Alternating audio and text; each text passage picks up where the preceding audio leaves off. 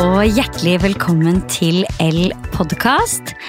I dag så er det bitende kaldt i Oslo. Eh, men jeg har helgardert meg og invitert inn en solstråle i studio, så her er det nesten sommervarmt og deilig. Eh, kjære Nikoline Anundsen. Tusen hjertelig takk for at du er her i dag. Tusen hjertelig takk for at jeg fikk lov å komme. Det er eh, veldig hyggelig. Ja, altså mm. dette her kjenner jeg er veldig personlig motivert for. For vi skal jo nemlig snakke litt om eh, Det er jo januar, det er nytt år. Mm. Nytt år, nye muligheter. Mm. Eh, og i dag skal vi eh, gå inn i en, en liten sånn granskning av hvordan vi kan finne gode vaner i hverdagen. Blant mm. annet, som jo du har veldig mange gode tips på. Mm. Men først og fremst, du har jo mange andre ting å by på også enn gode tips i denne podkasten. Du er mhm. jo selv podkaster ja. i podkasten Seb og Nikki sammen ja. med din eh, kjære Sebastian Solberg. Ja. I tillegg til det så er du eh, moteprofil, eh, som eh, sikkert veldig veldig mange av de som lytter på denne podkasten, følger. Mm. Eh, og der deler du jo om mote, selvfølgelig, mm. eh, men også om skjønnhet og livsstil. Og vi får liksom virkelig være med i hverdagen med deg, på godt og vondt. Ja. men det er kanskje ikke alle vet, er jo at du også har en eh, bachelor i ernæring og mm. har jobbet som kostholdsveileder. Ja. Det skal vi mer inn på i dag. Eh, og sist, men ikke minst, så må jeg også nevne at eh, du hadde jo også en veldig veldig populær spalte hos oss på L ja. som het Fredagsjenta. Ja. Så for oss vil du alltid være fredagsjenta. Ja. det er min favorittdag, vet du. Fredag. Ja, det er det. Ja. Født på en fredag. Ikke sant! Stemmer det. Mm. Ja. Det var jo en kjempefin spalte, og der, de, de, de, eh, ligger jo fortsatt ute på l.no for de som har lyst til å gå tilbake i arkivet og mm. lese der. Yeah. Um, så ja, kanskje vi, må, kanskje vi, må, tvinge deg tilbake. ja, kanskje du skal gjøre det. Ja. Men Nikoline, du har jo eh, i tillegg til dette så har jo du også fire barn. Ja. Det er veldig mange. Det er veldig mange, ja. Veldig mm. mange flere enn veldig mange har. Ja, ja. faktisk. Ja. ja. Um, og dette skal vi jo uh, selvfølgelig komme mer tilbake til. Mm. Um, men aller først så tenker jeg det er litt interessant å snakke om liksom, hvordan det her begynte. Liksom. Hvordan uh, du begynte liksom, med Instagram mm. og liksom, dele både mote og livsstil og hverdag og alle disse tingene. Mm. Uh, fortell oss om det.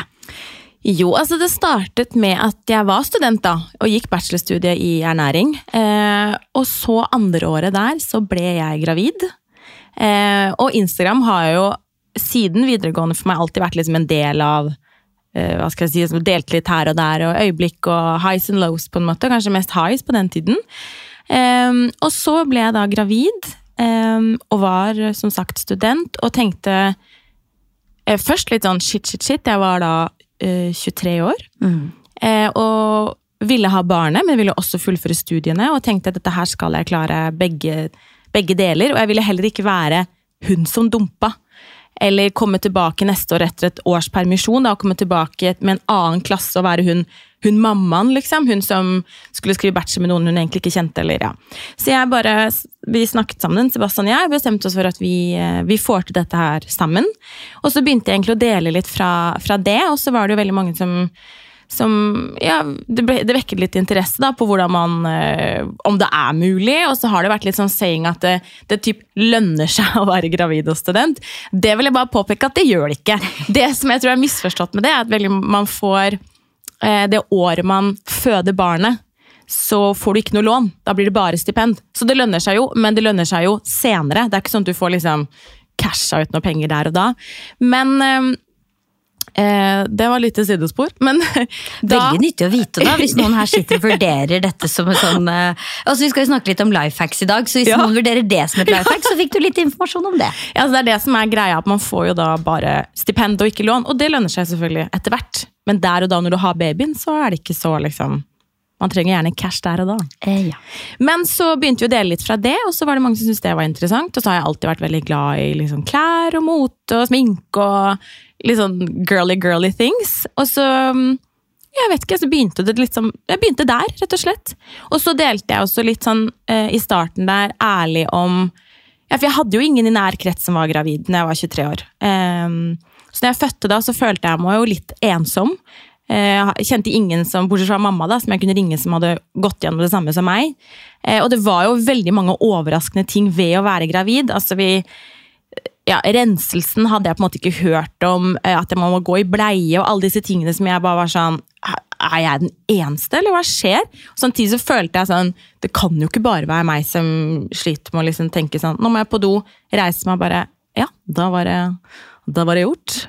Eh, så tenkte jeg, Det kan jo ikke bare være meg. Og så begynte jeg bare å snakke om de tingene. Helt sånn, ok, Dette skjer, og dette skjer, og dette skjer. Og så tror jeg veldig mange eh, var litt sånn Oi, herregud, det visste jeg ikke. Så var det mange som bare Det har jeg aldri hørt om. Og selv når man er et jordmor, så får man på en måte høre noe, men jeg føler at det er ingen som bare er sånn Det er sånn er det, liksom. Det kan være ekkelt, det kan lukte vondt, det kan være ja, ting som skjer med kroppen som du tenker sånn Dette her kan ikke være sunt. Og så bare går du til legen og spør ja, det er helt vanlig. Så jeg begynte å dele litt av de tingene også, og det tror jeg mange bare kanskje fant litt trøst i. Og var sånn Oi, så digg at du bare sier det. Eh, ja, så litt sånn det startet. Men så har jeg også fått disse barna ganske tett. Ja, eh, ok. Eh, ta oss gjennom eh, tidslinjen her og alder på barna. Ja, Så Noel kom da Min eldste kom eh, i januar 2018. Og så ble jeg jo gravid igjen eh, eh, Altså, nestemann kom september 19. Ja. Så Altså, det skjønner jeg nesten ikke hvordan det går sånn rent eh, biologisk, men og så mai 20. ja. Eh, og så mars tj- Nei, vent da. Mai 21. Mai 21, hvis ikke så hadde det ikke gått nesten. Mai 21, og så mars 23. ja. Så det er ca. ett år og åtte måneder mellom på en måte Roughly ett ja, ett år og åtte til ti måneder mellom alle barna. da. Så nå er eldste Blir seks nå i januar. blir seks nå i januar. Ja. Bailey er fire og et halvt. Ja. Penelope blir tre i mai. Ja. Og så har du Camilo som blir ett år i mars. Så jeg har seks, fire, to og eh, null. Altså, det er helt eh, Det er helt rått. ja, jo, takk for det. Eh, men da ble det jo også naturlig å dele fra graviditet nummer to. da. Og da ble det jo på en måte samme kjøret på nytt.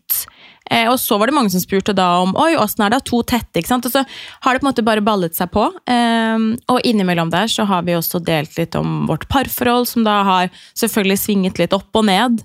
Eh, og i perioder veldig mye opp og ned. Eh, så det ble bare naturlig å bare ta folk med på det livet. Jeg har på en måte ikke levd et voksenliv uten barna mine. Nei, det nei, det er jo helt sant. Ja. Herregud, 20, ja, ikke sant? 23 år, var, da er man jo Det er jo nesten som man kommer rett fra skole, altså barne... Eller videregående, liksom. Jo, men virkelig, Jeg hadde liksom videregående, et par friår, begynte på studiet, og så fikk jeg barn. Så jeg har på en måte ikke hatt det etablerte voksenlivet hvor jeg er sånn Nå skal jeg på jobb åtte til fire, nå skal jeg på en måte ha et huslån og flytte i en leilighet og få sånne voksne rutiner, hvis du kan kalle det det. Men hadde du og Sebastian rukket å flytte sammen før dere ble gravide? Eh, ja, Ja. det hadde vi. Eh, det vil si at vi fant ut at vi var gravide eh, en måned etter at vi hadde flyttet sammen. Ikke sant? Så, men Så had- veldig hyggelig å flytte sammen, da. Man tror. Ja, veldig hyggelig å flytte sammen. Nei, så Vi rakk jo på en måte bo sammen i eh, graviditeten. Eh, faktisk, Når du tenker over det nå, så høres det jo helt sinnssykt ut. Men, eh, men selv om vi, jeg hadde et annet sted eh, når vi var sammen, nei, kjæresteparet, så var jeg jo veldig mye hos han, da. Jeg var jo det, for jeg var jo, bodde først i kollektiv og så med en venninne, og han bodde alene, så det var helt naturlig å være der på en måte mye. Men eh, vi hadde ikke vært sånn Nei, vi har liksom ikke hatt vårt voksenliv sammen med sånn ja, hva skal man si, faste rutiner. Og når, man da, eller når jeg da begynte å dele fra det, så ble det helt naturlig at man bare har fortsatt å, å dele fra hvordan livet har gått fra da til nå, da. Eh, egentlig. Ja. Og så, og så er det veldig sånn eh, Og nå har jo, som du sier, du og Sebastian har jo vært eh, veldig åpne. Eh, og, og han har jo snakket annet om noen sånne eh, graviditetshormoner og liksom Å, Nicoline har vært sinna, har de jo snakket mye om åpent Ja, i ja, ja. podkasten.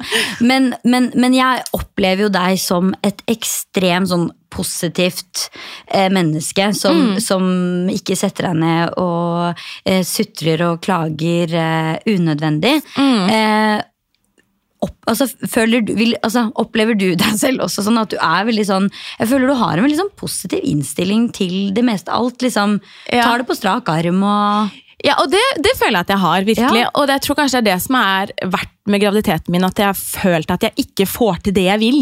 At jeg på en måte har fått plutselig en begrensning i livet med enten bekkensmerter, eller at jeg har følt meg sånn kjempefølsom og ikke klarte å kontrollere det. Og det bare føler jeg det er ikke meg, og da blir jeg sint på at jeg liksom skal jeg gå gjennom dette?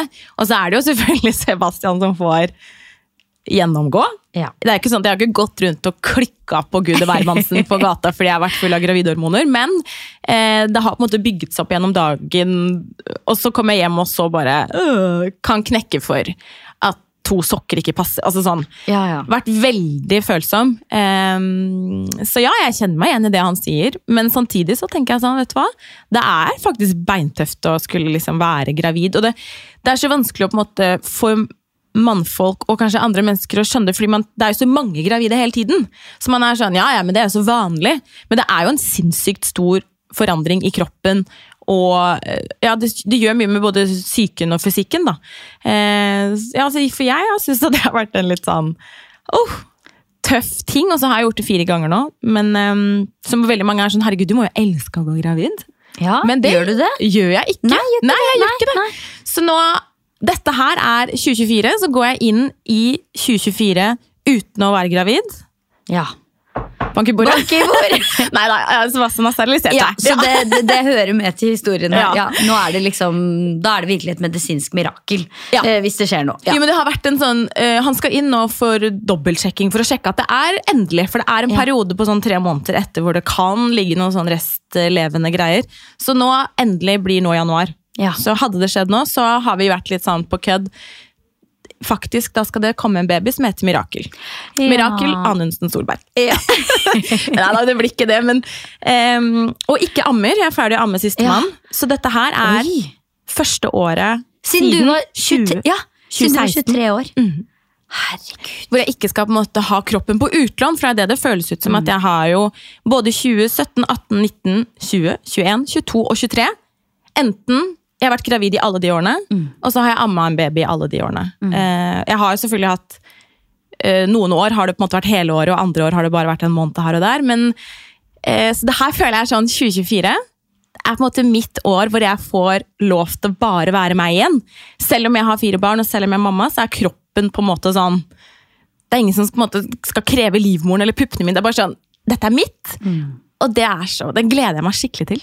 Så jeg føler det er mitt år på mange så måter. perfekt at vi starter året med å snakke om nettopp da gode vaner og alle disse tingene. Men Mm. ikke, bare, ikke bare er det da ditt første år hvor du holdt jeg på å si, tar kroppen tilbake. Mm. Men jeg måtte jo spørre deg rett før vi begynte. Jeg bare, Nikoline, fyller ikke du 30 snart? Fordi det også er jo en greie at du har jo da klart å få fire barn før eh, fylte 30. Mm. Ja. Ehm, men i år så skjer det altså. I år skjer Fordi det. jeg følte at du nesten har vært sånn, der, du er sånn, sånn magisk person som bare fyller sånn 29, 29 Nå, faktisk! Det skjer. Nå Eh, bikker det over. Nå, si. Nå er det 30-årene. Ja, velkommen skal du være. Jo, takk. Jeg eh, har jo skikkelig 30-årskrise.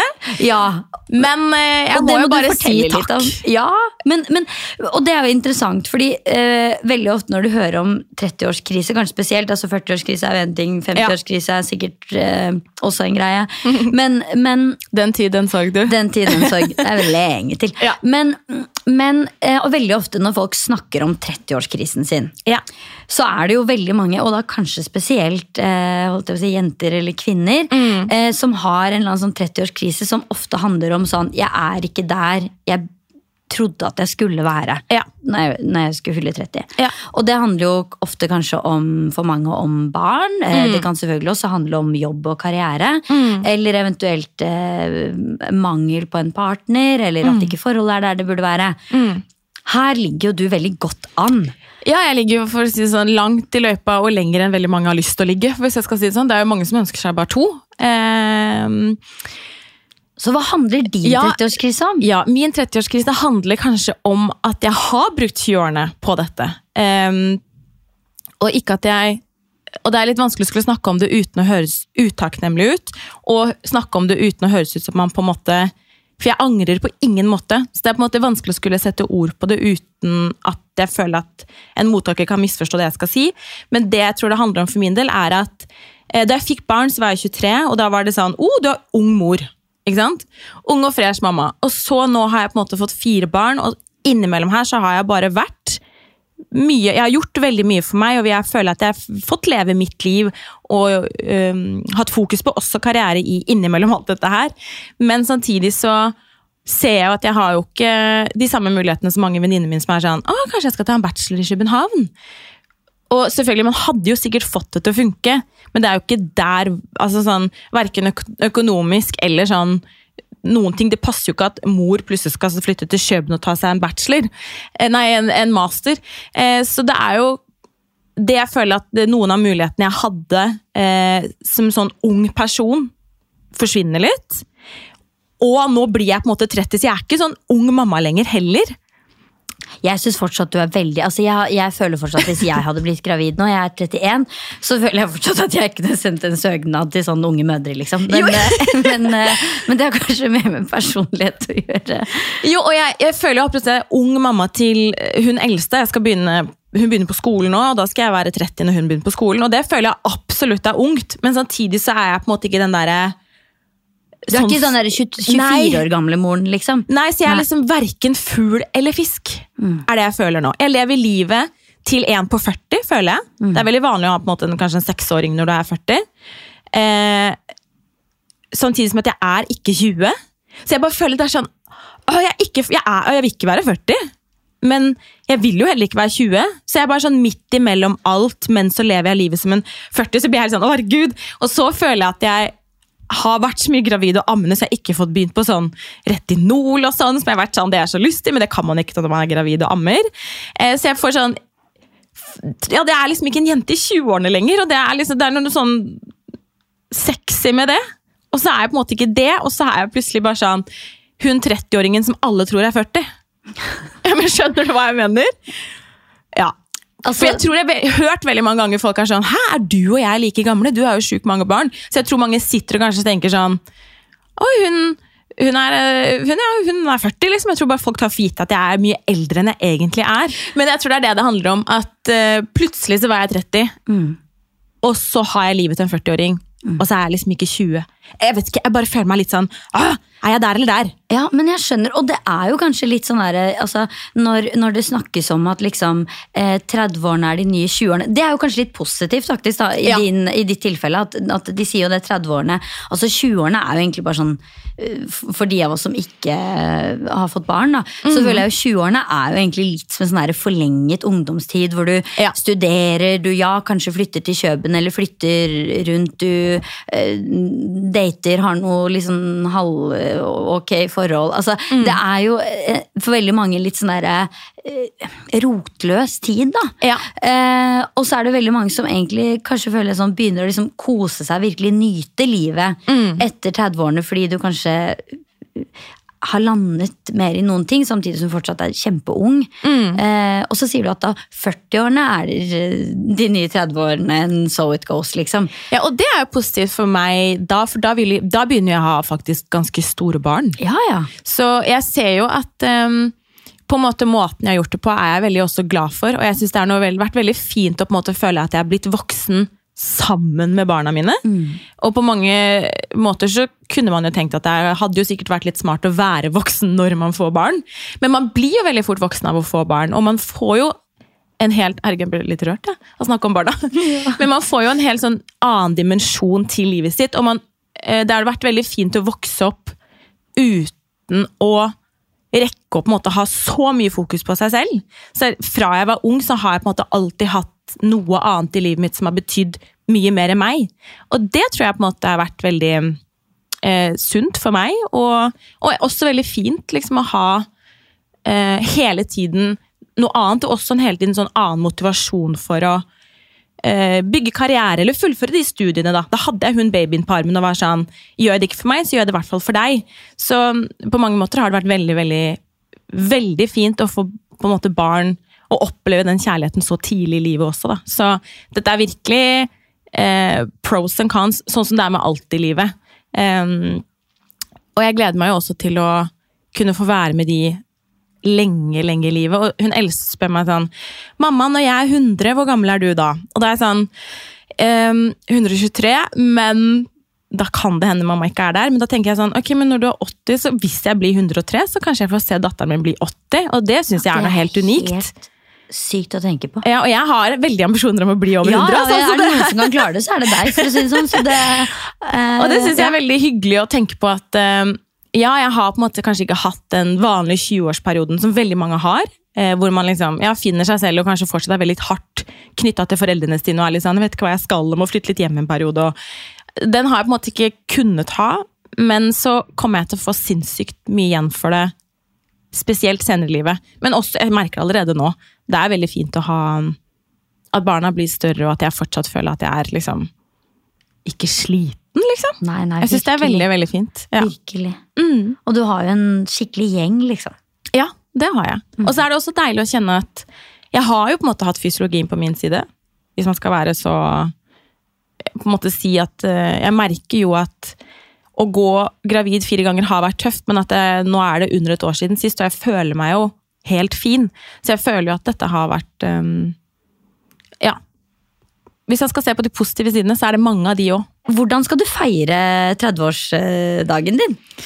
Eh, vi har, eller jeg har veldig gode venninner, og vi har snakket om at vi har lyst til å reise og liksom gjøre noe sånn som vi husker skikkelig godt, og ikke på en måte kjøpe gaver eller ha selskap eh, hver for oss, men at vi sammen reiser på tur. Vi har kjempelyst til å reise til New York. Eh, I 2014 så var vi tre venninner som var der.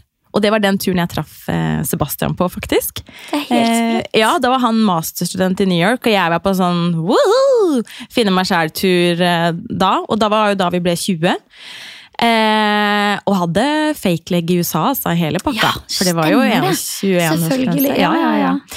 Ehm, og så eh, skal, Ja, nå er jo det da ti år siden. Mm. Så det blir kanskje en liten sånn reunion til New York, hvor vi alle da skal fylle 30.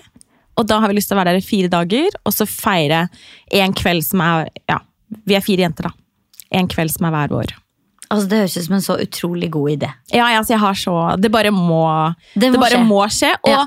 det er jeg veldig glad for nå, til det året her så, så vet jeg ikke sånn åh, Kanskje jeg blir gravid, sånn som det har vært de andre årene. Sånn, ja, vi skal jo ha en til, og kanskje jeg blir gravid da. Det bare vet jeg sånn Ja. Jeg skal ikke ha melkespreng, eller eh, Nei. sitte være hun som er sånn One virgin mojito. Sånn, Nei, åh, det er noe med snork. det. Og ikke fake leg trenger du heller Og ikke fake leg trenger jeg heller! Så du slipper den angsten, liksom. Ja.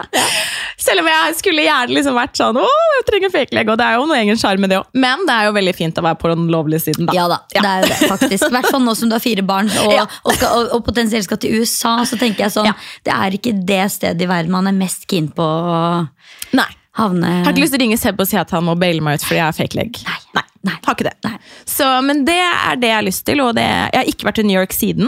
Jeg har vært i New York én gang, og det var den gangen. Så eh, New York betyr på en måte veldig mye for meg, fordi det var da vi var der tre uker når vi var 20, og så traff jeg Seb, så det kan bli potensielt veldig sånn kjempestore forhåpninger, men jeg bare føler at nå er det Jeg har sett sånn 30-årene der eh, alt er litt bedre, har jeg hørt, da. Så Ja. vi får nå se. Ja, Ja. Det Bedre mat, bedre Ja. drinks, bedre steder, bedre Ja. klær, bedre, Ja, mer penger. Alt er bare bedre. Og landet kanskje litt mer i seg selv. Ja. ja. Som også er fint. Ja, det er det. Men ok, Så, så da, da begynte det liksom en liten Hvor lang tid tok det før dere møttes igjen etter dere hadde møttes i New York? da? Etter den turen så bodde jeg eh, noen, et halvt år i Paris, hvor han fortsatt bodde i New York. Eh, og så flyttet vi hjem til Oslo eh, samme sommeren. Eh, og da hadde vi lånt en koffert til han når vi skulle hjem fra New York. Vi hadde vært, ja, Ja. Dollaren var lav og Ja. han, ikke sant? Eh, og så var jeg sånn, du, nå har jeg hatt den kofferten din i snart halvannet år, Ja. eh, og vet at du har flyttet tilbake til Oslo. Da var det liksom Facebook-oppdateringer og sånn, ikke sant? Og vi var jo venner på Facebook, og vi hadde hatt litt sånn sporadisk kontakt eh, det året. Var sånn, gratulerer med dagen. Hvordan er Paris, hvordan er New York? Typ sånn. Eh, men veldig vennskapelig, og det var ikke noe sånn romantisk mellom oss. Og så så jeg at han hadde flyttet til Oslo, så jeg var sånn, du, vi, vi har fortsatt den kofferten din. Eh, vi må på en måte gi den tilbake. Og han bare, ja, det ordner vi, jeg, bo, jeg bor her. Sendte meg location på WhatsApp, og jeg bare sendte tilbake. Bare, ja, vi bor 100 meter fra hverandre. Oi! Ja. Og han bare, å herregud, og jeg bare, jeg kan komme bort med den nå. Ja. Og så tusla jeg bort eh, da. Mm, og så var han sånn, og da ble det helt naturlig å catche opp liksom sånn Herregud, det var så gøy, og dere var der så lenge, og bla, bla, bla. bla, bla, bla. Og så var han sånn Jeg skal på date eh, etterpå. Og det var liksom helt Jeg bare Å, så gøy, og sånn. Og så plutselig så ringte hun. Og var sånn Det regner, så jeg må rainchecke, basically. Og han bare åh, kjipt, nå har jeg liksom forberedt meg på å, å gå ut, liksom. Jeg bare, vil du være med ut en tur, du, da? Jeg bare, ja, Og fortsatt ikke sånn Jeg følte meg ikke som en sånn uh, date stedfortreder. Det var bare sånn, ja, Skal vi finne på noe gøy? Da? For vi har alltid hatt veldig god kjemi fra vi møtte hverandre, selv om ikke det var romantisk. Det er bare, ok, Da går jeg hjem og stemmer litt, og så kan du bare plukke meg opp. Uh, ja.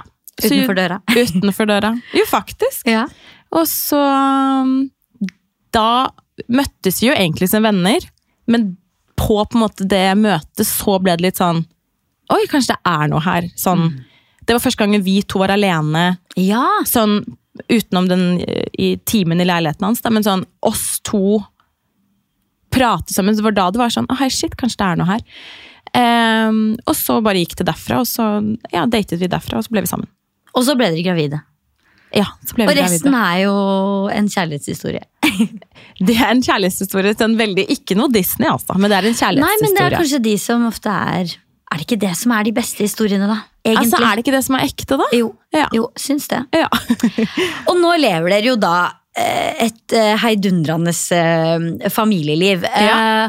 Og, og jeg må jo ærlig innrømme, Nikoline, at for meg så er du litt sånn herre Jeg husker det var en sånn om det var basert på en bok, men det kom en film for et eh, Nå er det ganske mange år siden, kanskje, egentlig. Som heter liksom I Don't Know How She Does It. ja. Og for meg så er du I don't know how she does it-dama. eh, og det handler om mange ting. En ting er jo bare det å ha fire barn, som, som, som jo er ikke sant, veldig mange. Ja. Eh, og så ser du alltid uforskamma fresh ut. Altså, du er alltid pen i tøyet, glow i huden. Altså, det er liksom, alt er uh, on fleak bestandig. Ja, det er veldig, um, veldig hyggelig at du sier. og så er du liksom Du er positiv, du er blid. Altså, det virker som du er sånn on top of mange ting. Og til tross for at du også deler om liksom kaos og, og hverdagen og, og logistikk og alle de tingene der som liksom går på tverke og våkenetter og, og i det hele tatt. Men, men likevel så, så, så, så er det liksom det jeg sitter igjen med inntrykk av.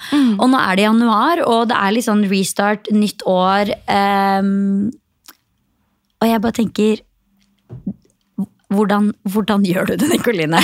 eh, og kanskje også litt med tanke på denne bakgrunnen din i, Ja. i forhold til liksom, ernæring. ernæring. Eh, og gode vaner fra A til Å, da, liksom. Ja. Og jeg tenker eh, Det vi kan starte med aller først, er liksom hvordan ser eh, i hermetegn holdt jeg på å si, en vanlig dag ut? Eh, I ditt liv. Og det finnes jo sikkert ikke en vanlig dag, Nei. men en sånn, hva, hva skal liksom gjennomføres eh, for deg i løpet av en dag? Ja, altså det er jo eh, Barna Jeg jobber veldig fleksibelt, men å ha barn gjør at du lever likevel et veldig sånn rutinebasert liv. Eh, og det kan jeg digge, egentlig. Eh, jeg har jo ikke vekkerklokke. Det er de. Ja, ikke sant? Ja. Ok, ja, ja, ja. Du bare hva? ja, ja, ja. Nei, det er jo De er jo som eh, en innstilt vekkerklokke. Ja. Eh, og vi har fire av de, så hvis den ene på en måte ikke funker, så tar den andre over. Det er, kan du sette på gode grunner til å få fire barn, faktisk. Ja. Ja. noen har fire alarmer, du har fire barn. Ja, så det er ikke noe Hvis den ene ikke funker, så slumrer den andre. på en måte Så det, Vekket, det blir vi. Eh, så de vekker oss jo og Da kommer de inn til oss. eh, De tre store kommer inn til oss selv, og han minste hører vi gråte, på en måte. Eh, og da er det sånn at barnehagen har frokostservering fram til kvart over åtte. Og det gir jo en liten motivasjon til å på en måte rekke å komme seg ut av huset til kvart over åtte, eller få de levert i barnehagen da, til kvart over åtte. Og det er to grunner til det. Den ene er jo at eh, man på en måte, morgenen hjemme blir jo veldig effektiv. Det er liksom kle på, pusse tenner, gre håret og få på klær og ja, få de i barnehagen, og så spiser de frokost der, og da blir det en rolig start for de i barnehagen. Eh, samtidig som at det blir jo mye mindre rotete hjemme. For skal du begynne å dra fram frokosten til fire, Ja, så blir det jo veldig det- mye rot. Det er jo som et middagsselskap, liksom. Ja, altså det er litt sånn eh, minihotell hver dag hvis jeg skal ha måltidene hjemme. Samtidig så er det jo veldig koselig de morgenene vi ikke nødvendigvis må rushe så fælt. Så er det veldig hyggelig å ha felles frokost eh, og spise hjemme. Så det, det er liksom 50-50 hva, hva vi gjør. Um, og så er det litt 50-50 hvem av oss som Nei, nå ljuger jeg. Sebastian leverer mer i barnehagen enn meg. Han gjør det. Skal, han skal få den, altså. Så han eh, leverer, men vi er oppe begge to og får de klare. Eh, og det som også er fint med mange, er at de eldste er jo på en måte vant til å klare mer og mer selv. Så de to eldste kler på seg helt selv. Det er av og til de bare trenger litt hjelp til å skjønne at bunad ikke er barnehagetøy, eller at uh, ull er fint på vinteren og sånn. Men utover det så klarer de på en måte å Egentlig hun nummer tre også klarer å kle på seg selv nå. Um, og det er jo ting vi har litt fokus på at de skal bli selvstendige på de tingene. fordi skal vi stå og få selv klare å kle på alle og liksom gjøre alt for alle, så bruker vi kjempelang tid, og vi gjør det egentlig bare en bjørntjeneste. Mm. Så um, ja, det er jo Vi er veldig dårlige på å ha sånne å være veldig sånn strukturert, egentlig. Men jeg føler akkurat på barna sånn, så har man jo likevel, får man en rytme likevel. Eh, så det er jo ja, få de i barnehagen, og da har jo jeg nesten konstant vært hjemme med en i permisjon. da. Så han siste man blir jo hjemme der, nettopp derfor egentlig Sebastian har det har blitt en så vane at han leverer mest, fordi da har jeg ofte tatt med babyen opp i senga eller i sofaen og amma. Og så sover han, og da har jeg jobbet alltid gradert, 50-50 cirka, med permisjon og jobb og hjemmekontor og sånne ting. Og da mm, er det Ja. Skal jeg gjøre mine ting. Så det har på en måte, og det har gjort at jeg har blitt vant til at morgenkaffen får jeg på en måte ikke før barna er ute av huset. For det er ikke noe vits å drive og begynne å lage den. Så før så kunne jeg elske å på en måte starte dagen med å lage en kaffe. Og sånn startet det. Men nå er det sånn, jeg starter med å på en måte bare Huh, armer og bein, alle skal ut. Og når de har gått ut av døren og det er stille, da har jeg sånn Ok, men nå har jeg lyst til å ta en kaffe mens babyen kanskje sover, da. Mm. Eh, og det gjør jo også at jeg føler at eh, det å få så mange barn gjør at man eh, setter jo sine egne behov og sånne Og det er det jeg føler er litt fint med at jeg ikke hadde etablert de voksenrutinene mine når jeg var 23. Fordi det er, det er ikke noe jeg måtte vike unna. Jeg, det er ikke sånn, ja, Jeg foretrekker jo å starte dagen med en deilig cappuccino, men det er ikke en sånn at jeg har levd sånn i ti år med å scrolle stille på nyhetene og sitte hjemme i leiligheten min som det er rent og ryddig. Det har bare alltid vært litt sånn kollektiv til et annet kollektiv som er hjemmelaget, på en ja. måte. Um, så jeg føler at uh, der har jeg vært litt fleksibel, og barna har fått være med på å forme hvordan jeg ser på mine rutiner, på en måte.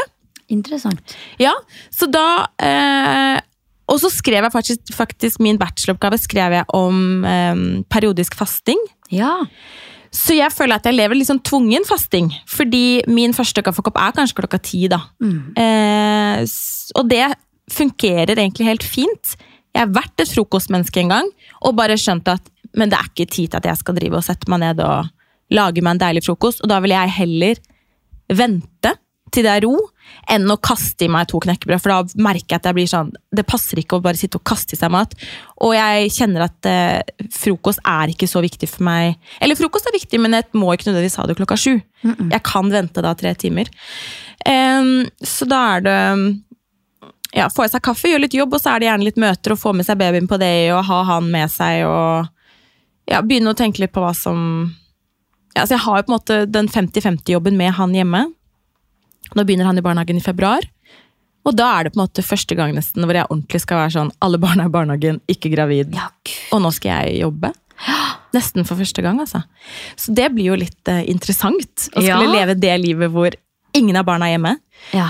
Eller ingen barn i barnehagen. Eller i magen. Eller i magen, liksom. Som jo har gjort at jeg også følt meg litt uh, De siste graviditetene var kjempetunge, de to siste. Så selv om jeg var alene da, så følte jeg at jeg var preget av et eller annet med barn å gjøre. Jeg var liksom tung og vondt i hodet og kvalm og liksom konstant sånn fyllesyk følelse. Så ja. Jeg føler faktisk enda så har jeg ikke etablert mine voksenrutiner, nesten. Det er det du skal begynne med nå? Det er det jeg skal begynne med, og det er det jeg gleder meg veldig til. Ja. Eh, å få, ja, få det i gang. Men jeg syns at eh, Tilbake til det periodisk fasting, da. Ja.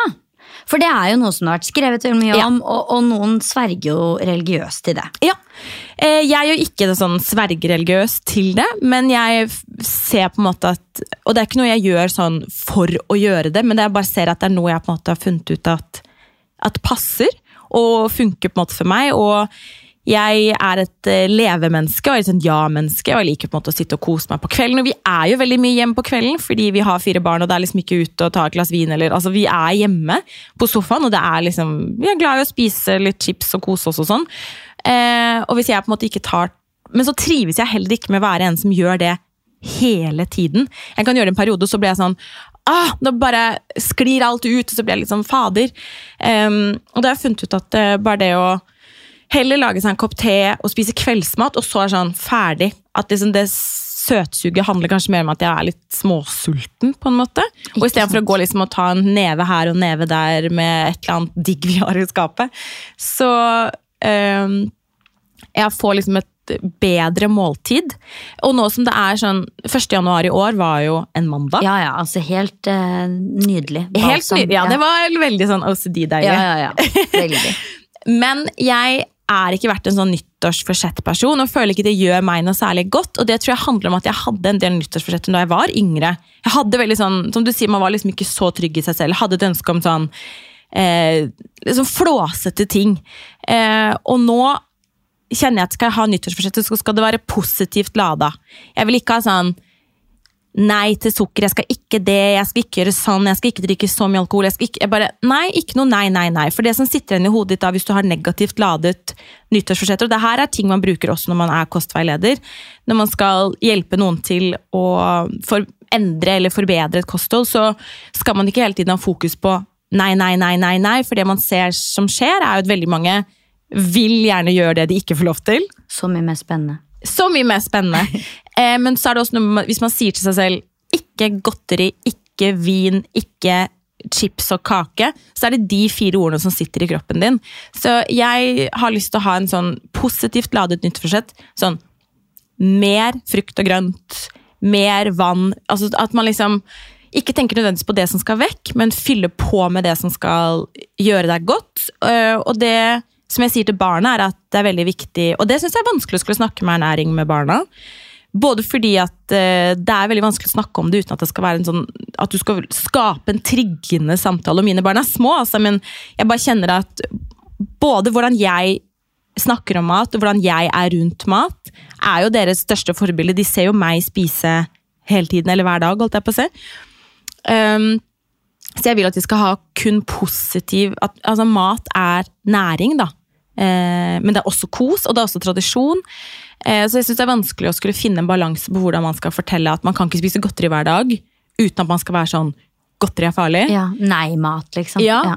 Og hvordan man også skal snakke om at frukt og grønt er viktig, eller spise variert. Så jeg prøver å bare si sånn Vi må spise regnbuen uh, for å ha det liksom sånn positivt. Og da mener jeg jo alle farger, da. Mm. Og bare sånn hvilken, uh, hvilken frukt eller grønt er rød? Og så kan de heller hjelpe meg og jeg tenker sånn, Det å ha det fokuset for dem gjør at jeg også selv tenker sånn Ja, det må jo jeg også faktisk tenke på. At uh, Eat a rainbow.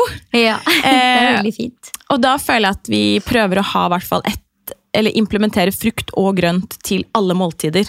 Uh, for det er vanskelig å få i seg disse fem om dagen, som egentlig er litt sånn minimumsfaktisk. Jeg vet at Helsedirektoratet setter det, eh, men at man, det er ikke noe farlig å spise mer. Gjerne kanskje enda mer positivt. Så frukt og grønt til hvert måltid, enten det er smoothie, eh, agurk på skive altså sånn. Og så er jeg veldig, veldig glad i eh, å se på de store vanene jeg har, da. Jeg føler det er veldig mye fokus, spesielt sånn i sosiale medier, på uh, Ketsjup er farlig. Eller sånn, sånn duppeditt-tilbehørsting som er sånn ja, men La oss se på, på måte, kosthold litt over tid, da, for kosthold handler på en måte om en helhet.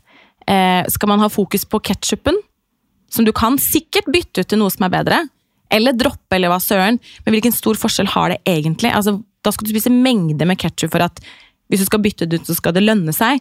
Så jeg er veldig fan av å se på sånn uh, Hva er det istedenfor? Uh, og se på helheten. Uh, og jeg tror, har også veldig tro på at uh, man må ikke innom en helsekost og kjøpe pulver ditt og pulver datt og tabletter her. Og jeg har egentlig ingen tro på at det vil gjøre en stor forskjell hos de aller fleste. Jeg tenker Hadde på en måte brokkolien blitt lansert i dag, så hadde den fått sånn supermatstempel. Tenker jeg, da. Mm. Og uh, less is more der også, på en måte. At man tenker sånn Hva er det som er i sesong? Eh, det er ofte rimeligere varer, for det er jo veldig sånn sunt kosthold er dyrt. Men det som er i sesong, er egentlig ikke så dyrt. Altså Blomkålhode kan koste ti kroner om høsten når det er i sesong. Eh, så jeg skjønner hvis du kjøper pasjonsfrukt og mango midt på vinteren. Ja, det er svindyrt. Men man må ikke spise det heller. Så se på det du spiser mest av. Hva, hva kan du endre der, på en måte? Eh, er jeg veldig fan av. Også disse eh, ketsjup og disse mikrodetaljene. Hvilken forskjell vil det egentlig ha å si, hvis du elsker ketsjup, på en måte? Og du elsker den eh, med masse sukker. Gjør det hvis du har liksom pølse på ketsjup til påske. Altså sånn, Ja. Det vil Ja, ikke er ha noe å si. Og det er jo litt den der som holdt jeg på å si nylig var aktuell, men det er jo sånn der, folk snakker om sånn Det handler ikke eh, om hva du gjør mellom jul og nyttår, men Ja. hva du gjør mellom nyttår og jul, liksom. Ja. Eh, og, Og det er kanskje det et litt sånn jeg mener. godt Ja. eksempel på det. da. Mm. Det er jo det man gjør eh, hver dag som, som har noe å si. Og så ha, prøver jeg også å si at det fins jo på en måte ikke noe perfekt kosthold. Og uansett hvor perfekt man på en måte hadde flisespikka en eller annen kostholdsplan, eller eh, et eller annet, så er det jo det som faktisk går inn i munnen, som vil gjøre en forskjell. Så du, kan sitte med en perfekt plan, og hvis ikke du klarer å følge det, eller det ikke gir deg noe glede, eller hvis du tenker jeg gruer meg til å sitte og tygge den der tørre grønnkålen, eller hva som helst, drit i det. Finn noe som passer for deg, da, som gjør at du også får positive følelser rundt det å spise. At du ikke føler at, liksom, at det å spise handler kun om et eller annet utseendefokusert, eller et eller annet 'jeg må ned noen kilo', eller et eller annet sånn Du vet, sånn som VG er veldig på, da. Ned Mindre Ja, ja, det- og mindre sånn og Ja, sånn og sånn. hele januar eh, altså, ja, det, er jo, det er jo det vi leser hele tiden. Hele tiden, og jeg skjønner at jeg kan på en måte være med på å skape mye som press, men det viktigste er å finne noe man øh, trives med, som er gjennomførbart, som også på en måte er godt for kroppen, da. Eh, altså, balanse er kanskje det jeg mener. Nøkkelordet. Nøkkelordet er balanse. Fordi alle disse tingene her er jo sånne ting som på en måte egentlig alle vet. ikke sant? Alle vet, vi, ikke sant? vi har hørt fem om dagen, og vi hører alle disse tingene. og, og for deg som har da jobbet som kostveileder og, og hatt klienter som, som kommer til deg og, og trenger hjelp med disse tingene, har du noe sånn Hva tror du er liksom grunnen til at til tross for at vi blir bombardert med alle disse gode tipsene og fem om dagen, at så mange likevel syns at det er vanskelig, da, som du sier, selv om man sitter her og har på en måte en perfekt plan. Hvorfor er det vanskelig å følge den? Eh, altså, mat er jo Hadde vi på en måte vært Altså, mat for folk er jo igjen så mye mer enn bare næring. Det er smaker, det er følelser. Veldig mye spising og mat er jo kobla opp til følelser, som igjen kan handle om ting eh, fra barndommen eller andre tid som egentlig handler mye mer om psykologi enn ernæring. Eh, som er mye mer kompleks enn hva jeg på en måte kan drive og jobbe med. Eh, det, ja, det er rett og slett eh, og så er det jo noe med hvordan samfunnet er bygget opp. Man ser når man kommer inn eh, Det er mange fristelser, da, rett og slett. Eh, og så ser jeg også noen ting som jeg også kan litt irritere meg over. At noen sier sånn Hvis noen har gått ned i vekta, så snakker de om som at de har funnet mirakelkuren, eller gjort, jeg har gjort ditt og ditt, og så bare og så bare spiste jeg akkurat typ, Jeg faster, og så innimellom det så spiser jeg bare akkurat det jeg har lyst på. Og så bare sånn, oi, så spennende, så tenker, tenker jeg sånn, hvis du hadde sagt det til meg, da, så tenker jeg sånn, ok, men Karoline har, hun har åtte timers spisevindu, og akkurat de åtte timene så spiser hun hva hun vil, og så faster hun de resterende 16. Eh, og da vil jeg også det, men hva du, akkurat hva du vil, kan være noe helt annet enn hva akkurat jeg vil. Så når jeg våkner, så kanskje jeg, det første jeg craver er liksom eh, brus og boller og kaffe med sukker, og liksom et ikke veldig heldig kosthold, mens det første du våkner opp og har lyst på, er knekkebrød, kiwi og en smoothie. Så det å på en måte snakke, det blir så diffust å si sånn Jeg spiser akkurat hva jeg har lyst på. Og jeg Ja. gikk ned fem kilo. Ja, fordi det er jo superindividuelt. Ja, så når jeg skal gå og kjøpe meg lunsj, da, så går jeg forbi Narvesen hvor det er tilbud på pølse og boller, mens du ikke enser det skiltet engang og tenker sånn Nei, jeg skal rett bort og kjøpe meg en salat eller en bagett eller et eller annet som på en måte gjør mer gode ting for kroppen.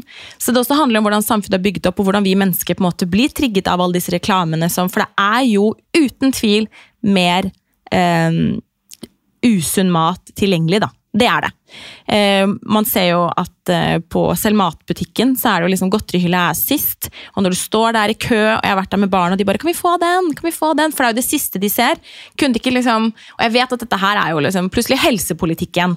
Så det er jo så mye mer enn bare eh, en kostholdsplan og forbrukeren. Det handler om liksom, politikk, det handler om økonomi, det handler om psykologi. Det er så sinnssykt mange andre aspekter inn i dette Det er kjempekomplekst. Så det er egentlig ikke så rart, da. Egentlig, liksom, at, at, det er, at, ja, Til tross for at alle disse gode Altså alle disse gode tipsene si, er rundt oss, så er jo også all denne reklamen og alt dette andre mm. på en måte, Det blir jo nesten som sånn der engel og djevel på skulderen som Absolutt. drar oss like Og så syns jeg også at alle de tipsene som blir skrevet om, er litt mer sånn egg kreft. Altså, det er så mange sånne som ja. er sånn enkeltråvarer som på en måte blir enten slaktet eller hyllet, og så gjerne om hverandre. Ja, virkelig om hverandre. Eh, og igjen så føler jeg litt sånn Kan vi da bare eh, Og så er det mange som også slakter på en måte rådene til Helsedirektoratet. Mens jeg mener at veld, de aller fleste i Norge har godt av å følge de rådene, fordi de er jo selvfølgelig supergenerelle. Og jeg tror folk som er sunne, eller som er på en måte opptatt av helse, som oppsøker de, tenker sånn eh, Jeg tror veldig mange tenker sånn Nei, det blir for tradisjonelt. Mm. Men jeg tror veldig, de aller fleste vil ha en effekt av å følge de. Mm. Hvis man eh, Hvis på en måte normalen er Grandiosa. Ja. så er det jo klart at å bytte om til de eh, rådene som Helsedirektoratet kommer med, Eh, så vil du ha veldig god effekt av det. Og jeg er veldig glad i sunn mat, på en måte. Jeg er glad i all mat. Jeg er veldig glad i usunn mat og sunn mat. Så jeg føler at det, for meg så handler det om at jeg har lyst til at eh, de hovedmåltidene mine ønsker jeg på en måte at skal gi meg um, Ja, altså hva skal man si, gi meg litt av alle næringsstoffer. Dette her blir jo veldig sånn teknisk, men, men eh, for eksempel da syns jeg det er godt å Og så er jeg jo heldig å ha med hjemmekontor, så jeg har tilgang på kjøleskapet mitt. på en måte. Og det vet jeg kan også være en pine for andre, og det kan også være en pine for meg på de verste dagene. For da er det sånn, ok, godteriskapet er også tilgjengelig, da. Ja, ja. ikke sant? Men øh, jeg syns bare sånn enkle retter som jeg, Og jeg kan få litt sånn hekt på mat. Sånn, en periode så har jeg vært veldig opptatt av sånn gresk yoghurt med bærnøtter. Og så prøver jeg på en måte at alle måltidene som igjen har da et element av på en måte fett, protein eh, og karbohydrat. At, liksom, at, det er litt ja, balanse i rettene, på en måte. Men jeg er ikke noe jeg er ikke noe fancy spiser, egentlig. Det er liksom, Man finner sin greie, og veldig ofte så lager jeg havregrøt til barna hvis de spiser hjemme. Og så er det jo ofte rester av det kaste restene opp i smoothieblenderen sammen med litt juice og bær, og så er det min frokost. Sjukt ufancy, men da får jeg iallfall spist opp restene. Ja, Det er litt... genialt. Dette er jo sånn matsvinntips også, faktisk. Ja, ja, faktisk. Nå kommer disse hacksene. Ja. Eh, og så har jeg også funnet ut at man kan bruke rester av havregrøt, eh, blande på litt egg og litt mer havregryn og rulle til rundstykker. Ja. Så det er jo veldig ofte man lager havregrøt, så blir det enten for mye eller for lite. Og hvis det er veldig ofte så føler jeg sånn I går ble det for lite til å lage litt ekstra. Da vil de selvfølgelig ikke ha mye. Og da bare, ok, men da har jeg funnet Jeg synes det er ille å kaste havregrøten. Jeg er ikke, jeg er ikke verdens største fan av havregrøt i smoothie, men altså, sånn, det går jo ned. Eh, men da har jeg tenkt sånn, hva annet kan jeg lage? Og rundstykket funker. Blande oppi egg ja, og litt mer tørre havregryn, så du får sånn ja. fin konsistens. Og så ruller du til rundstykker. Og så må jeg jo spørre om eh, den andre store tingen i forhold til det. For søvn er jo sånn evig ja. eh, samtaleemne ja. eh, med, med, småbarnsforeldre. Mm -hmm. og det er jo også en veldig viktig del av at vi har det bra. Og ja. det, er jo, altså, det er jo alfa og omega. Eh, og jeg vet jo eh, fra holdt jeg på å si, å følge deg, Sebastian, sosiale medier, at det er ikke alltid dere får eh, sove Nei. så mye. Nei. Men hvordan, hvordan, håndterer du det, liksom? Eh, det å, å Altså ja, jeg er jo et uh, B-menneske. Du er B-menneske. Tvunget inn i et A-menneskeliv. Det er interessant. Ja. Og hver kveld når barna de legger seg syv, ja. uh, alle fire, og da er det jo liksom oh, Nå er det lagt seg, og da blir jeg sånn kreativ, kan jobbe, kan yes. finne på så mye. Jeg elsker Spesielt liksom etter klokka ti. Altså, mm. Da våkner min kreativitet sånn fullstendig. Ja. Jeg husker Da jeg var yngre, så kunne jeg begynne å ommøblere rommet og være sånn Nå mm. våkner jeg, liksom. Mm. Eh, og da er det jo eh, bare min egen viljestyrke som gjør at jeg må komme meg i seng. Og da er, virker morgenen så langt unna, for jeg sitter og koser meg. Og når Bastian også har gått og lagt seg mm. Er, er han sånn, A-menneske? Nei, han er også B-menneske. Ja. Men han er kanskje litt mer sånn flinke til å være sånn jeg må gå og legge meg. Så når han går og legger seg da, så er det sånn det er så sjelden de er helt hjemme alene i huset. Mm. Og da er det sånn Jeg skjønner, ja. Å, det er så deilig! Ja. Eh, men eh, jeg prøver jo så godt jeg kan, og nå har jeg fått meg en sånn Aura-ring. Sånn, vet du det er? Hva er det? Det er sånn her ring som tracker søvn oh, ja. og altså pulsklokke bare i ring, da. Okay. Hjerterytme, stressnivåer, søvnen min, eh, aktivitetsnivå. Eh, Men det ser jo virkelig ut som en helt vanlig ring. Ja, litt altså sånn sånn- Gollum-ring. Ja, ja, men, litt, eh, ja, litt sånn eh, Litt heftig, ja, men- ja. Men, Men- den eh, ser jo da på søvnen min. Og den ser på, den, når jeg ser, går inn på morgenen, så står det alltid sånn hvor sleep efficiency og restfulness og liksom sleep score og sånn.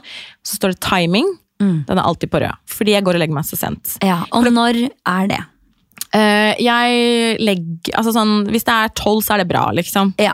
Og jeg vet at det er ikke sånn 'Å, du er så B-menneskegæren', men når de begynner seks, så er det på en måte Jeg kjenner meg igjen. Ja. Tolv er bra. Mm. Ja, tolv er på en måte bra. Ja, og uh, gjerne før. altså Jeg vil jo gjerne legge meg sånn elleve. uh, og så blir den tolv, og så blir den fort liksom halv ett. Og så finner man en god serie, og så blir det sånn, å, så keen på å se den nå. Ja. Jeg er veldig dårlig til å gå og legge meg. Men uh, i de verste periodene så blir man jo litt flinkere til å legge seg tidlig. Jeg skal si til at vi har fire, så er det ganske bra. Og så føler jeg det har alt med min eh, på en måte innstilling til det. Jeg har bare bestemt meg for, har jeg sovet dårlig? Så jeg blir ikke noe mer eller mindre trøtt av å gå ut og si det til meg selv. Jeg, er, jeg våkner sånn som jeg er, og så må jeg bare være sånn ja, anerkjenne det var en jævlig drittnatt. Fuck, hva er det vi har gjort? Åh, kan de bare holde kjeft, liksom? eh, men det er som det er, og det er jo ikke dems feil at de våkner, eller altså Gud veit hvorfor de våkner, egentlig. Det er jo det beste i verden er jo når man faktisk sovner, er jo å sove. Men da føler jeg at jeg bare må si til meg selv sånn Det er en god dag. Bra dag. Ikke sant? Det her ordner vi. Og da har jeg faktisk god effekt av noe så overfladisk som sminke og klær. Yes. Og på en måte eh, gjøre liksom, litt ekstra concealer. Det har faktisk god effekt på meg, da. Og ja. Ja, Så- det er litt sånn at hvis man på en måte For det er noe med den å se seg i speilet og se at du ser sliten ut. Mm. Men hvis du er sånn og jeg føler meg egentlig litt trøtt, og så ser du deg i speilet eh, med da, eh, som du sier, litt ekstra concealer, så er det sånn Nei, jeg er jo ikke trøtt, jeg ser jo Ja. kjempeuthvilt ut, liksom. Det Ja. er, ja. Så det Fake it till you make it. Ja, skikkelig fake it till you make it. Og det føler jeg sånn Ja, samme om det er overfladisk, det funker.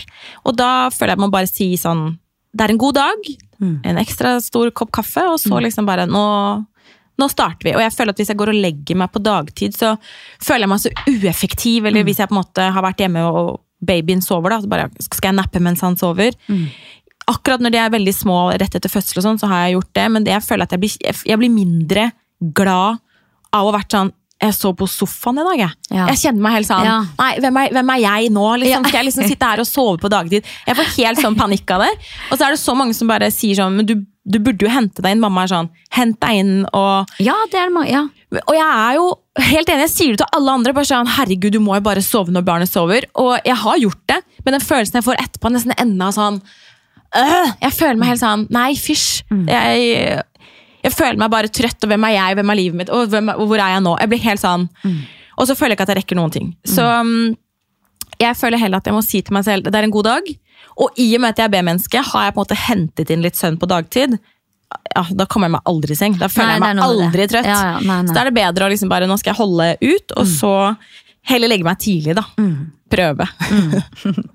Men jeg kjenner igjen det der, åh, de der eh, timene eh, etter tid, de er helt Altså Magisk. det er sånn, ja, det er sånn magisk tid på døgnet hvor det er litt sånn alt annet rundt deg blir liksom Det føles som at alle andre faller litt sånn i ro. Ja. Eh, eh, overalt i hele verden, holdt jeg på å si. Ja. Eh, eh, og så er det bare sånn, ok, nå er det liksom, det er liksom du, du får litt den der alene hjemme-følelsen, selv om herregud, jeg Ja. bor alene, jeg er jo alene hele tiden.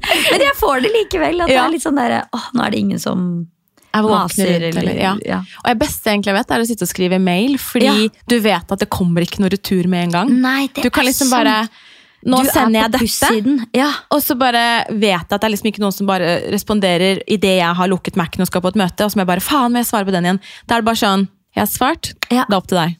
Du tar i morgen tidlig, gjør du ikke det? Også, Og så så deilig. Også deilig. Ja, det synes jeg er Og så helt ligger du høyt oppe i uh, altså, innboksen. Ja, på du-lista, liksom. Så Ja. man sånn Ja, de må nå. Ja, det er Mm. digg.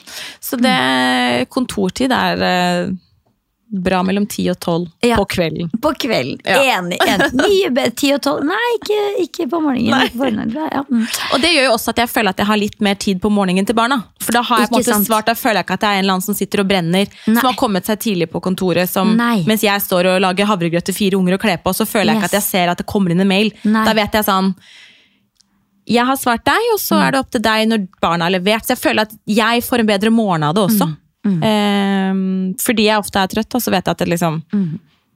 Det er ikke både fire barn og fire mail, og det er liksom ikke alt på en gang. Det er Mm. liksom sånn, ok, jeg har fått gjort unna noe.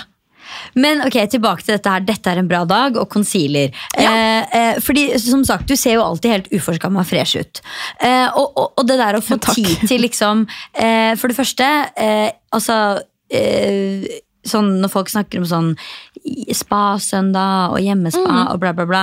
Eh, eh, liksom, har du noen gang tid til sånne ting? Hva er liksom, hvor enkle og avanserte er liksom de rutinene på liksom skjønnhet? Og ikke minst, hvordan er det du liksom finner inspirasjon til å sette sammen eh, fine antrekk, for eksempel, når du også skal sette sammen antrekk til fire andre, hvor du også skal huske på liksom eh, votter, lue, skjerf, eh, gummistøvler, parkdress, regntøy. Altså, Akkurat hvordan barna ser ut, det blåser jeg litt i. ja. Og så har vi jo faktisk så mange. Her kommer det et hack. Ja. Få mange barn i barnehagen. Yes. Jeg glemmer alltid et eller annet til en av de, Mm. men de er så tett i alder at jeg er sånn Ja.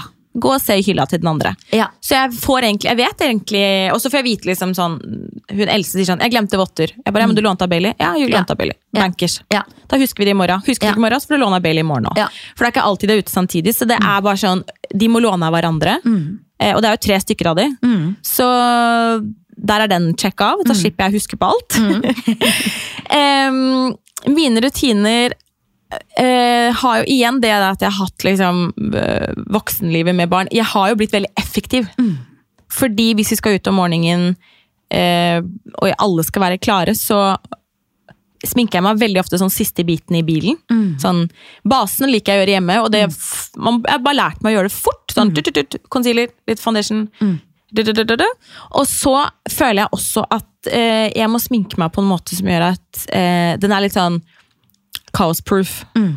Sånn, eh, hverdagen så bruker jeg verken eyeliner eller øyeskygge, eller sånne ting, for jeg føler at hvis den begynner å smudge, så ser jeg Ja. unødvendig trøtt ut. Ja, det er sant. Og ja. det er også litt sånn 30-årskrise, fordi Ja. jeg føler når jeg bruker øyeskygge, så kan jeg bikke over til å se faktisk ut som jeg er eldre. Litt sånn heavy sminke gjør at jeg kan se eldre ut. Så eh, maskaraen er ofte liksom i bilen, og da blir det bare liksom Tok maskara i bilen i dag òg, Ja, faktisk. ja, ja. Bare har den alltid ut, i veska, bare litt sånn på slutten idet jeg skal ut av døren. Em, så jeg har bare blitt rask sånn på, på morgenrutine. Sveisen min er jo standard sleek bun. Krever jo egentlig ingenting. Og det handlet mest om at jeg begynte med den når jeg amma, for barna drar så sjukt i håret. Yes. Og lugger og sånn. Ja. Eh, og så kan du ha fett år altså, sju dager på rad Ja, uten at det egentlig ja, syns. Genialt. Så sleek bun, og da ser man også ryddig ut, syns Ja, jeg. ja, enig. Enig bare, 100 jeg synes det er så mange som har så sjukt fint hår, blant annet du. Alle dere L-jentene har det. Natale, Eh. Karoline Ja. og du. Alle bare har sånn sjukt fint, liksom flowy, krøllete, og da blir jeg sånn Skulle jeg prøvd meg på det? Nei, det blir liksom ikke helt det. Sleek bønn funker. Eh, når det kommer til kvelden, da, så har jo barna lagt seg. Så da gjør jeg så lite, eller så mye ut av det som jeg føler for, på en måte. Jeg kan like å ta av sminken idet jeg legger de. Mm. Sånn at når de står og pusser tennene eller steller seg eller bader, så bare gjør jeg det. Og da føler jeg hudpleien får virke fra sju. Og Ja. da får jeg sånn god Og følelse! det er så smart! Ja. Ja, for da- det er egentlig litt sånn der, det der å faktisk ikke drive og vente til, i hvert fall for de av oss som eh, Legger seg legger seg litt sent, så, så er det faktisk det der å liksom ikke nødvendigvis vente til du faktisk skal gå og legge deg med Ja. å gjøre kveldsrutine. Det er eh, Og da kan jeg merke at jeg, med vann i ansiktet sånn, så blir jeg mer våken Ja, ja, det er livsfarlig. Kjempefarlig. Det er kjempefarlig. Da får du en god time til. Ja, da bare å, våkna litt, og så ligger man og scroller på senga enda igjen. ja, ja. Så jeg føler at det å ta bort sminken når jeg legger barna, er liksom helt eh, gull. Og hvis ikke så skal jeg innrømme at jeg faktisk, da har det skjedd at jeg bare sovner med den på, fordi jeg vet at kanskje klokka ett så vet jeg det. Begynner jeg nå på badet med lys Ja, ja. og liksom Ja, kikke på huden, skal jeg begynne å Ja, ja, nappe litt bryn Mm. og holde på å ordne Og det der er liksom. også veldig deilig. Ja. Det er så, jeg, det kveldsgreiene er så mye diggere enn, uh, syns jeg, da morgenen Altså. Ja, ja. mm. Og da kan jeg være sånn Nei, nå skal jeg øve meg litt på winged liner. Yes! For nå skal jeg jeg så godt igjen. Og så bare, da prøver jeg, så plutselig så står jeg med full makeup, Ja. og da skal jeg begynne å ta Og da Ja. er jeg blitt kjempetrøtt. Ja, ja. Og, bare, fy. Og da Så- skal det vann i ansiktet. Ja, Mm. og så våkner man litt. Ja. Mm. Nei, så det mm, Det blir eh, så lite eller så mye jeg gjør det til. Og jeg har funnet ut at vi har TV på rommet, mm. eh, og vi kan se litt serie der. Og da tar jeg med meg ofte liksom, eh, sminkefjerner på pad, og så tar jeg med meg Ja. tonervann og pad. Ja. Og så krem, og så vet, da har jeg på en måte kanskje ikke den beste rensen, men det funker. Da får jeg Ja, fått gjort det. Ja. Så fjerner jeg sminken, så tar jeg en toner over, så jeg liksom får rensa du ser en ordentlig. serie Mens jeg sitter og ser på serie. Ah, det er deilig. Så ta en runde på Seb, han gjør det jo ikke sjøl. Så bare Nei, ikke sant. vil du ha litt rens? syns det er kjempegøy å liksom rense huden hans og Ja. holde på. Liten sånn skincare-klinikk på Ja, på nattbordet der. Ja, det er genialt. Og så har jeg da eh, serum og krem. Liksom, the base, det er liksom the helt basics. Yes. Men jeg elsker jo de dagene hvor jeg på en måte står og renser og double cleanser. Og det er jo det jeg på en måte ønsker Ja. mest. Ja. Og så skal jeg innrømme, Det skjer ikke hver dag, men jeg vil i hvert fall prøve å få sminken av. Ja, ja, gud, ja. Det er jo liksom Og på med noe bra, liksom. Altså Ja, på med noe ja. fukt, og spesielt nå som det er så kaldt. Ja. Så trenger jeg bare liksom fukt, fukt, fukt, og ja. Mm. Håper på det beste. Ja, håper på det beste. Men ok, Og disse antrekkene dine, da? Altså, Ja. sånn, er, du, er du sånn legge fram kvelden før, eller er det liksom dagsformen, eller eh, Nei, og der er jeg så heldig i og med at jeg har eh, Det er jo ikke hver dag jeg skal ut av døren innen klokka åtte. Det Nei, er jo Sebastian som har tatt den biten, og jeg har vært hjemme med baby, så jeg skal jo bare være sånn hvis jeg leverer i barnehagen, så skal jeg alltid ofte hjem igjen. Og der er jeg så privilegert. Jeg skal liksom ikke rett på et kontor. Og hvis jeg har både levert og henta, så er det to forskjellige damer som kommer. Altså, Det er joggebukse og null sminke og lue og caps. Og liksom bare sånn, her er barna mine. Og på ettermiddagen så har jeg på en måte sminka meg og et antrekk og er sånn, nå skal jeg hente de igjen. Ja. Det Ja. Så det er to forskjellige personer. Så jeg, jeg skal jo på en måte ikke ofte ut av døren før jeg på en måte ikke sånn grytidlig, kanskje ti-tida. da. Så da føler jeg ikke at jeg har så mye stress. Nei, ikke sant. Det, der, det er stor forskjell på Det er stor forskjell, det vet Ja. jeg veldig veldig Utdøra godt. åtte og utdøra Ti, liksom. Eller ni, bare for den saks skyld. Ja. føler jeg liksom er ja, ja. Den ekstra timen jeg har der, er uh, kjempegod. Og så kommer det an på, på måte, om babyen sover, eller om man er uh, Ja. hengende rundt. Men jeg føler at eh, man får jo noen sånne go to antrekk i klesskapet. ja. Hva er det for deg? Eh, det kommer an på sesong. Ja. Nå på vinteren, da. For nå, nå, er det jo vinteren, ja. nå er det litt død å, å kle seg. Ja. Eh, da har jeg på en måte noen sånne strikkgensere som jeg tenker sånn Ok, det der er en strikkgenser, mm. men den har kanskje en liten sånn detalj eller et eller annet som gjør at man bare ser Ja, automatisk du litt har mer på deg en kledd veldig ut. fin en i dag med litt sånn store puffermer. Og, Ja, den er- ja. ja. Og Så fin. Ja. Så I dag er jeg helt sort. I dag var det egentlig en litt sånn Ja. stress morgendag. ja. Eh, Syns ikke. takk. og da tenkte jeg sånn Ok, da Jeg er jo egentlig veldig glad i å bruke fargerike du er klær også. det, ja. Men eh, jeg føler hvis jeg på en måte ikke føler meg helt vel, så skal jeg ikke begynne å dra farger inn i bildet. Da blir det liksom Yes, ikke sant. Da føler jeg at da går jeg mer for kanskje svart, eller helt sånn Helt kremhvit syns jeg er superlekkert. Nydelig. Elsker. ja, elsker. Undervurdert. Ja, så undervurdert. Ja, og da ser man også veldig sånn ryddig ut. Hvis jeg har slik bønn, helt kremhvitt antrekk, Ja, så, så føler jeg meg liksom good. Eller helsvart er jo også safe. Mm. Eh, og da bare på med litt sånn smykker eller et eller annet som gjør at jeg føler at det likevel er meg. Mm. Eh, solbriller er jo en redd engel. Da jeg studerte i, eh, i London, eh, på London College of Fashion, så hadde vi faktisk Victoria Beckham. Ja. Som, eh, sånn, hun hadde sånn lecture, sånn gjeste... Sånn Å, herregud, så spennende. Ja, helt konge. Og spesielt selvfølgelig barna av 90-tallet og Spice Girls. så det, var jo, det var jo konge. Men da snakket hun om det der med, for hun har jo vært kjent for liksom disse store solbrillene sine, og hun sa bare for hvert barn jeg får, så blir posen under øynene mine bare større og større. Og i samme takt vokser solbrillene, liksom. Så hun Ja. var sånn, det, det er derfor de er store. Fordi things need to be ja. mm. Covered. Ja. Ja. Så det der er, det der, det er et bra hack, ja. Ja, Mm. det er faktisk det. Um, nei, så Da har man jo faktisk noen sånne antrekk som man har brukt før, som man tenker sånn Ja, men det vet jeg sitter og er Mm. Ja, greit. Jeg føler ikke meg sant? ikke Det der repeter Ja. antrekk. Så spesielt når du har dårlig tid. For det er noe med at når jeg har dårlig tid, så er jeg egentlig veldig sånn som kan begynne å sortere sokker, egentlig. Jeg er Yes. veldig sånn Yes. Og Sebastian blir gæren. Hva er det du gjør nå? liksom? Jeg bare, jeg skal bare sy på en knapp. Han bare 'Vi skal ut av døra nå'! Ah, ja. Jeg Eh, meg så godt Og hvis jeg skal begynne da å finne liksom noe nytt, begynne å tenke Mm. nytt i klesskapet, kanskje den funker med den, og så har jeg tenkt litt på det kanskje på kveldinga, Mm. og så prøver du det på, og så bare å gud, det var ikke sånn som jeg trodde det kom til å se ut når jeg faktisk tar det på meg. Eh, det har jeg bare skjønt, jeg må bare droppe det når jeg har dårlig tid, og så må jeg heller liksom så jeg har skjønt Når jeg pakker sånn til Fashion Week, og sånn, så har jeg av og til bare vært sånn, jeg orker ikke å prøve. Bare putter oppi, kommer i København eller hvor eller, er, og bare ikke sant? Ja, det her funker faen ikke. Eh, og da har jeg skjønt at jeg må bare prøve det på. Se. Funker det? Funker det om jeg også føler meg oppblåst eller dritt? Eller funker det liksom, er det, Ja, ja, ja. er det på en måte situasjonsproof? Ja, ja, situasjonsproof. Og Ja. sånne situasjonsproof antrekk treng, mm. føler jeg er sånn Det må du bare ha. Vite sånn Den buksa, den jakka sitter alltid. For eksempel, da. Genialt. Mm. Ja. Men ja, det der er virkelig Det der er igjen et utrolig bra tips. Det der med å ikke sant, situasjonsproofe Mm. eh, antrekk, men som også altså det å repetere, liksom. Fordi Mm. kjære vene, altså, vi trenger ikke å finne opp eh, eh, hjulet på nytt hver gang, liksom. Nei. Det er så smart. Og så syns det, i hvert fall på meg, hvis jeg ikke føler meg vel ja. Hvis jeg har tatt på meg noe som jeg tenkte sånn Vi bare går for det her. Ja. Uh, og så kommer man ut og så bare «Åh, Herregud, hva er det jeg dro sammen nå? Mm. Så føler jeg meg mindre, og da har du dårligere utstråling. Og så får man bare sånn «Åh». Og jeg føler det viktigste er jo ikke hvordan måte, klærne ser ut, men det er på en måte om du smiler eller føler deg vel. Og det syns veldig godt. 100%. Eh, så heller ha på deg noe som på en måte du føler deg trygg i, og som gjør at du da stråler, utstråler smil, da, Mm. enn å stå og være dritfet og se sur ut, liksom. Ja. Det er å ha eh, klær som du vet at du føler deg vel i. Mm. Sånn at hvis du våkner i dag og har dårlig tid, eller ikke helt vet, så kan du ikke bare ha de plaggene som, som du bruker de dagene hvor du føler deg vel og skal sminke deg mye. Du må ha de eh, plaggene som gjør at du også føler deg vel på de dagene du faktisk ikke føler deg vel.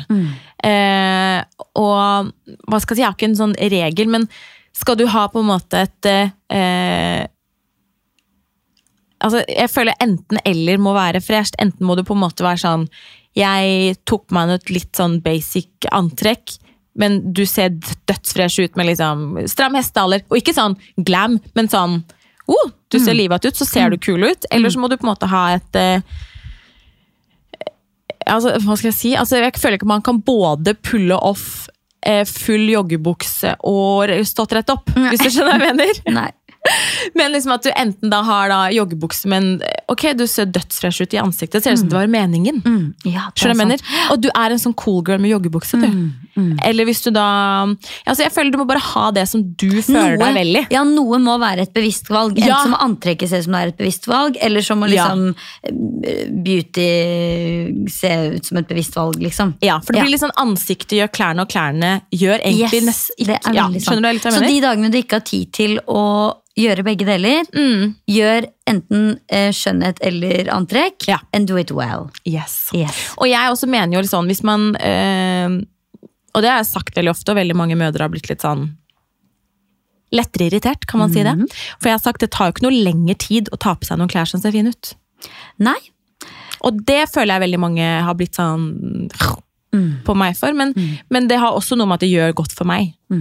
Eh, og jeg har virkelig dager hvor jeg ser ut som en altså sånn uteliggermodus, liksom. Og, men jeg liker at kontrasten er så stor, og da liker jeg liksom ha det hjemme. Skal ut av døra, så bare Ok, men da vil jeg ha på meg den buksa som jeg føler sitter fint.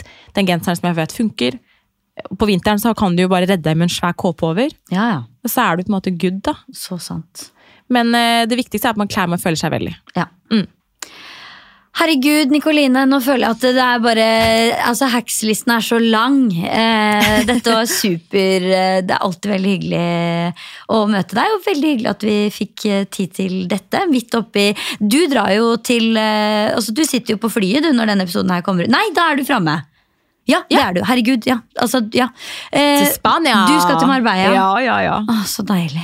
Hack. For et hack. Reise vekk fra kulda. Ja, ja det, er det, det er det siste hacket. Det hack på tampen her. Dra fra kulda. Okay. Nei, men det blir veldig deilig. Ja, Ja. fantastisk. Tusen hjertelig, hjertelig takk for at du kunne komme. Tusen hjertelig takk for at du ville ha meg. Og jeg digger L, og jeg digger den podkasten her. Og ja, alt med L. Så og vi digger deg tilbake.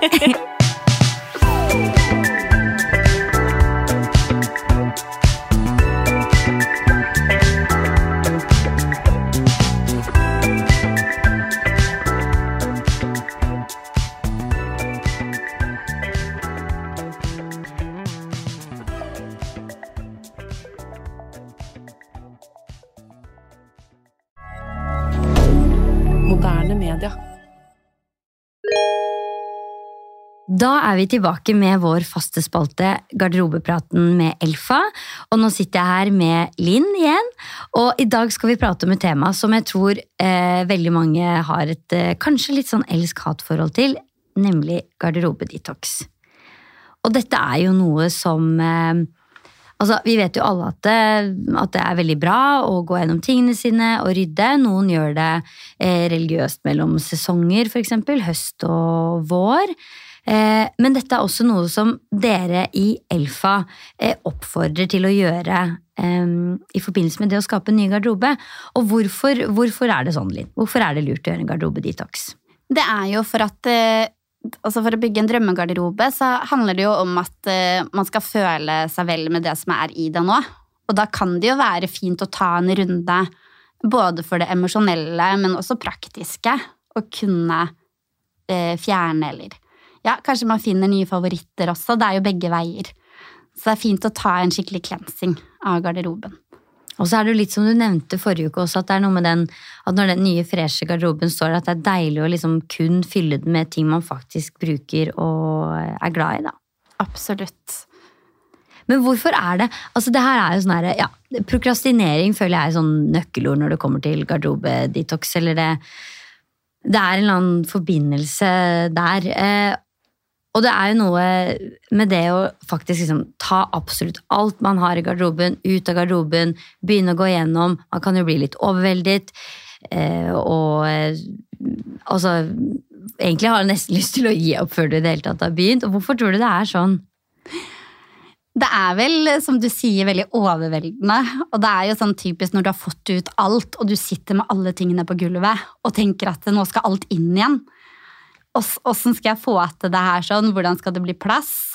Og kanskje man også finner eh, Plutselig finner man en kjempefin kjole man har glemt kanskje at man hadde, og så blir man kanskje litt ufokusert, og så har hele dagen gått. Det er sånn klassisk, eh, klassisk greie. Og jeg tror til og med, selv om du vet at tingene går et annet sted, så er det sitter langt inne for mange å kvitte seg med ting. Uh, og det er jo at For noen så er jo tingene også veldig personlige. Så det er jo derfor jeg tror mange tar vare på ting man ikke bruker så ofte. Men det er jo det vi egentlig oppfordrer til, at man burde gjøre det. Fordi selv om det er kanskje vanskelig der og da, da så gir det en så god følelse etterpå.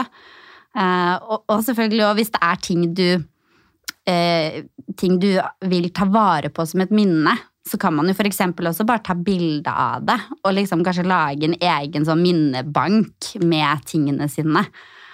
Så det finnes jo mange måter å gå igjennom en garderobedetox på. Kanskje skal du faktisk ha en egen skuff eller en kurv eh, som er dedikert til plaggene jeg aldri bruker, men heller aldri vil kvitte meg med.